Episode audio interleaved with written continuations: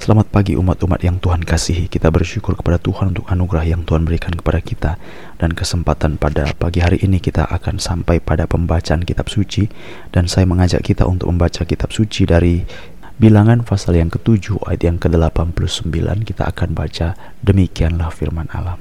Apabila Musa masuk ke dalam kemah pertemuan untuk berbicara dengan dia, maka ia mendengar suara yang berfirman kepadanya dari atas tutup pendamaian yang di atas tabut hukum Allah dari antara kedua kerub itu. Demikianlah ia berfirman kepadanya. Umat-umat yang Tuhan kasihi lima kitab Musa, kejadian, keluaran, imamat, bilangan, ulangan. Kemarin kita sudah mulai untuk mengerti bahwa ini merupakan firman yang diberikan Allah dan itu bagian daripada perjalanan-perjalanan, peristiwa-peristiwa, pengalaman-pengalaman apa yang mereka lalui itu disuruh Tuhan tuliskan.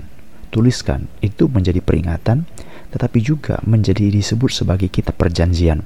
Jadi kita membicarakan kitab Pentatuk atau kitab Musa, lima kitab Musa tadi, maka kita mungkin akan bertanya ya, kapan sih Tuhan suruh Musa menulis itu? Atau kenapa sih kita sebut bahwa itu kitab Musa? Itu diberikan Tuhan. Memang pertama-tama ada satu peristiwa yang sangat besar sekali pada waktu bangsa Israel keluar dari Mesir. Mereka sampai di Gunung Sinai itu pada bulan yang ketiga, sekitar hari yang ke-50. Tetapi pada waktu Tuhan bertemu dengan Musa di Gunung Sinai itu adalah titik yang dapat kita baca, kita ketahui dari kitab suci, kitab keluaran pasal 19, Tuhan itu berbicara, Tuhan berfirman kepada Musa. Di situlah dia memberikan petunjuk-petunjuk, di situlah dia memberikan firman, arahan-arahan, hal-hal yang perlu diketahui oleh orang Israel, hal-hal yang diberitahukan oleh Tuhan, tertib hidup, segala sesuatu, peraturan, ketetapan, apa-apa yang harus dilakukan oleh orang Israel. Tuhan juga memberitahukan kepada Musa untuk membangun yang namanya kemah suci. Dan di kemah suci, kemah pertemuan, tempat untuk bertemunya antara Allah dengan umatnya, secara khusus nanti Musa akan bertemu dengan Allah. Di situ ada satu tempat yang namanya tempat ruang maha kudus. Ada namanya tabut perjanjian. Tabut perjanjian itu ditutup. Isinya itu adalah dua loh batu tentang hukum Taurat. Itu ditutup. Jadi dari tutup pendamaian yang menjelaskan tentang tempat kemah suci kemah pertemuan, tutup pendamaian, ruang maha kudus, Tuhan bertemu berbicara dengan Musa. Di situlah Tuhan memberikan firman-Nya. Di situlah Tuhan memberikan petunjuk-petunjuknya, ketetapan-ketetapannya, hal-hal yang harus dilakukan oleh bangsa Israel. Mungkin Musa ingin meminta keputusan Allah. Mungkin Musa ingin mendengarkan firman Allah. Mungkin Musa nanti di situ ingin meminta nasihat karena Tuhan akan menghakimi. Karena yang memimpin bangsa Israel itu sebenarnya bukan Musa, tapi Allah yang memimpin mereka melalui Musa. Maka dalam bilangan pasal 7 tadi kita baca ayat 89, apabila Musa masuk ke dalam kemah pertemuan untuk berbicara dengan dia dengan Tuhan, maka Musa mendengar suara yang berfirman kepadanya dari atas tutup pendamaian. Nah, di situ ditulis, maka itu menjadi satu tulisan-tulisan yang dikumpulkan di kitab perjanjian. Contoh lain misalnya dalam Keluaran pasal 25. Keluaran pasal 25 ayat yang ke-22. Dan di sanalah aku akan bertemu dengan engkau dan dari atas tutup pendamaian itu, dari antara kedua kerub yang di atas tabut hukum itu, aku akan berbicara dengan engkau tentang segala sesuatu yang akan kuperintahkan kepadamu untuk disampaikan kepada orang Israel. Keluaran pasal 25 ayat 22. Jadi kalau kita bertanya, kenapa sih kitab Pentatuk itu kitab Musa itu disebut sebagai kitab Musa?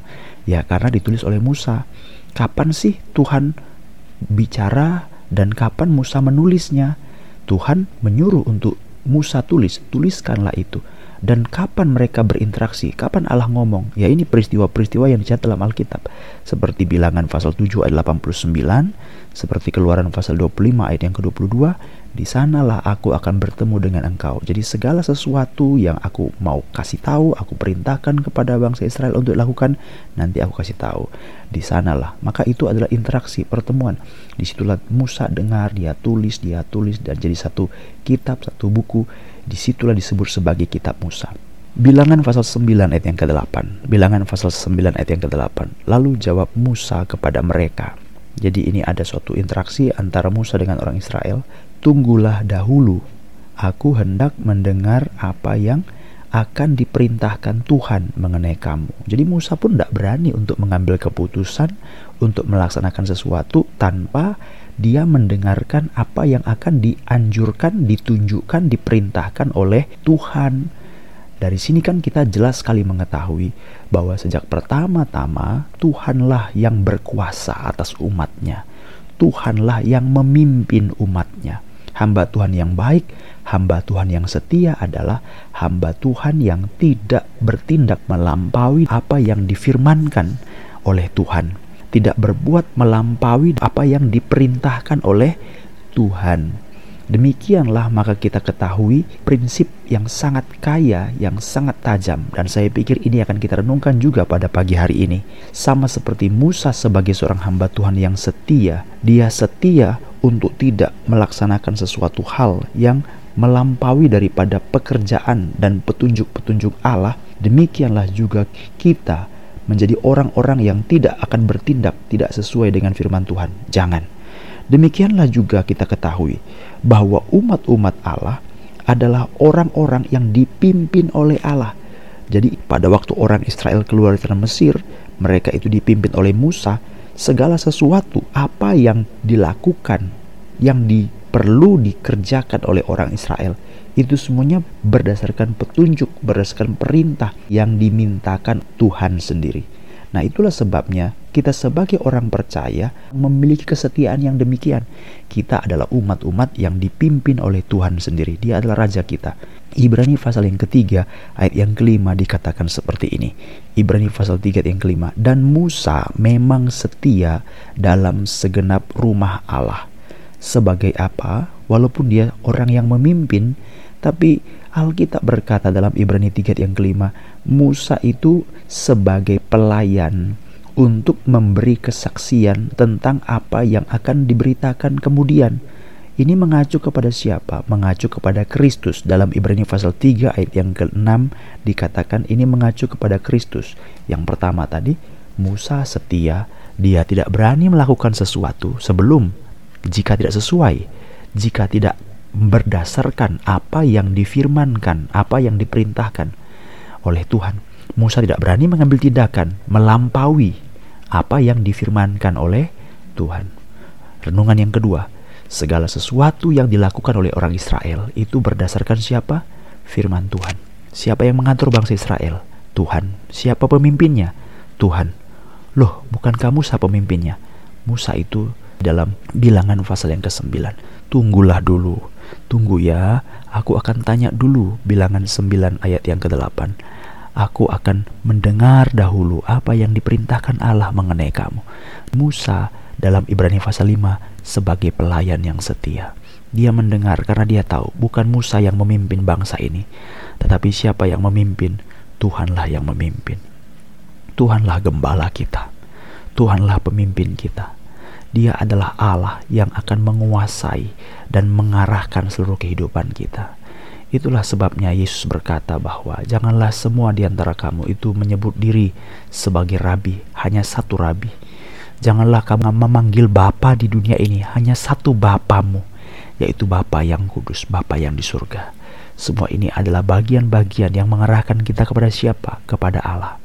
Kepada Allah yang pekerjaannya sempurna di dalam Yesus Kristus. Yesus Kristus, dia adalah utusan Allah Yesus Kristus dia adalah anak Allah yang hidup. Yesus Kristus dia adalah bait suci yang sejati yang menjadikan kita sebagai umat-umat. Kita orang memberontak, kita umat Allah, tetapi kita tidak mau dipimpin oleh Allah. Tetapi Kristus Yesuslah yang memperdamaikan kita dengan Allah. Sehingga sama seperti prinsip awal, tidak ada umat yang menjadi umat Allah tanpa Allah menjadi rajanya. Kita ingin menjadi umat Allah tetapi tidak mau Allah sebagai raja kita. Kita memberontak. Kita mengambil jalannya sendiri-sendiri. Tapi oleh karena Kristus yang memperdamaikan kita. Kristus Yesus yang memperdamaikan kita dengan penebusan kematian di kayu salib. Roma pasal 5 mengatakan dia memperdamaikan kita yang menjadi seteru Allah. Kita diperdamaikan. Lalu kita dikembalikan yang dulu memberontak sebagai umat. Sekarang menjadi umat Allah. Jadi jika kita adalah umat Allah, berarti kita adalah orang yang mengizinkan dan harus membiarkan Tuhanlah yang mengatur seluruh kehidupan kita. firman Tuhanlah yang mengatur kehidupan kita. Biarlah Tuhan tolong kita. Pentatuk sama seperti dia merupakan dasar untuk seluruh perjanjian lama dimulai dengan kitab kejadian keluaran imamat bilangan ulangan. Seperti itu juga perjanjian baru dimulai dengan empat Injil Matius, Markus, Lukas, Yohanes. Pentatuk itu adalah pendahuluan kepada orang Israel nanti akan keluar daripada Mesir lalu mereka masuk tanah perjanjian. Demikian juga dalam kitab Injil ada Matius, Markus, Lukas, Yohanes. Itu adalah pendahuluan Injil pembuka sesuatu berita sukacita keselamatan telah hadir dalam Yesus Kristus yang akan menceritakan seluruh perjanjian baru. Kita bersyukur karena semua pekerjaan Allah dirancang, didesain sudah dengan sangat sempurna. Dan biarlah makin hari kita makin tambah mengenal akan Allah. Sungguh taat kepada Kristus Yesus atas pekerjaan penebusannya. Dan biar kita hidup memuliakan dia. Mari berdoa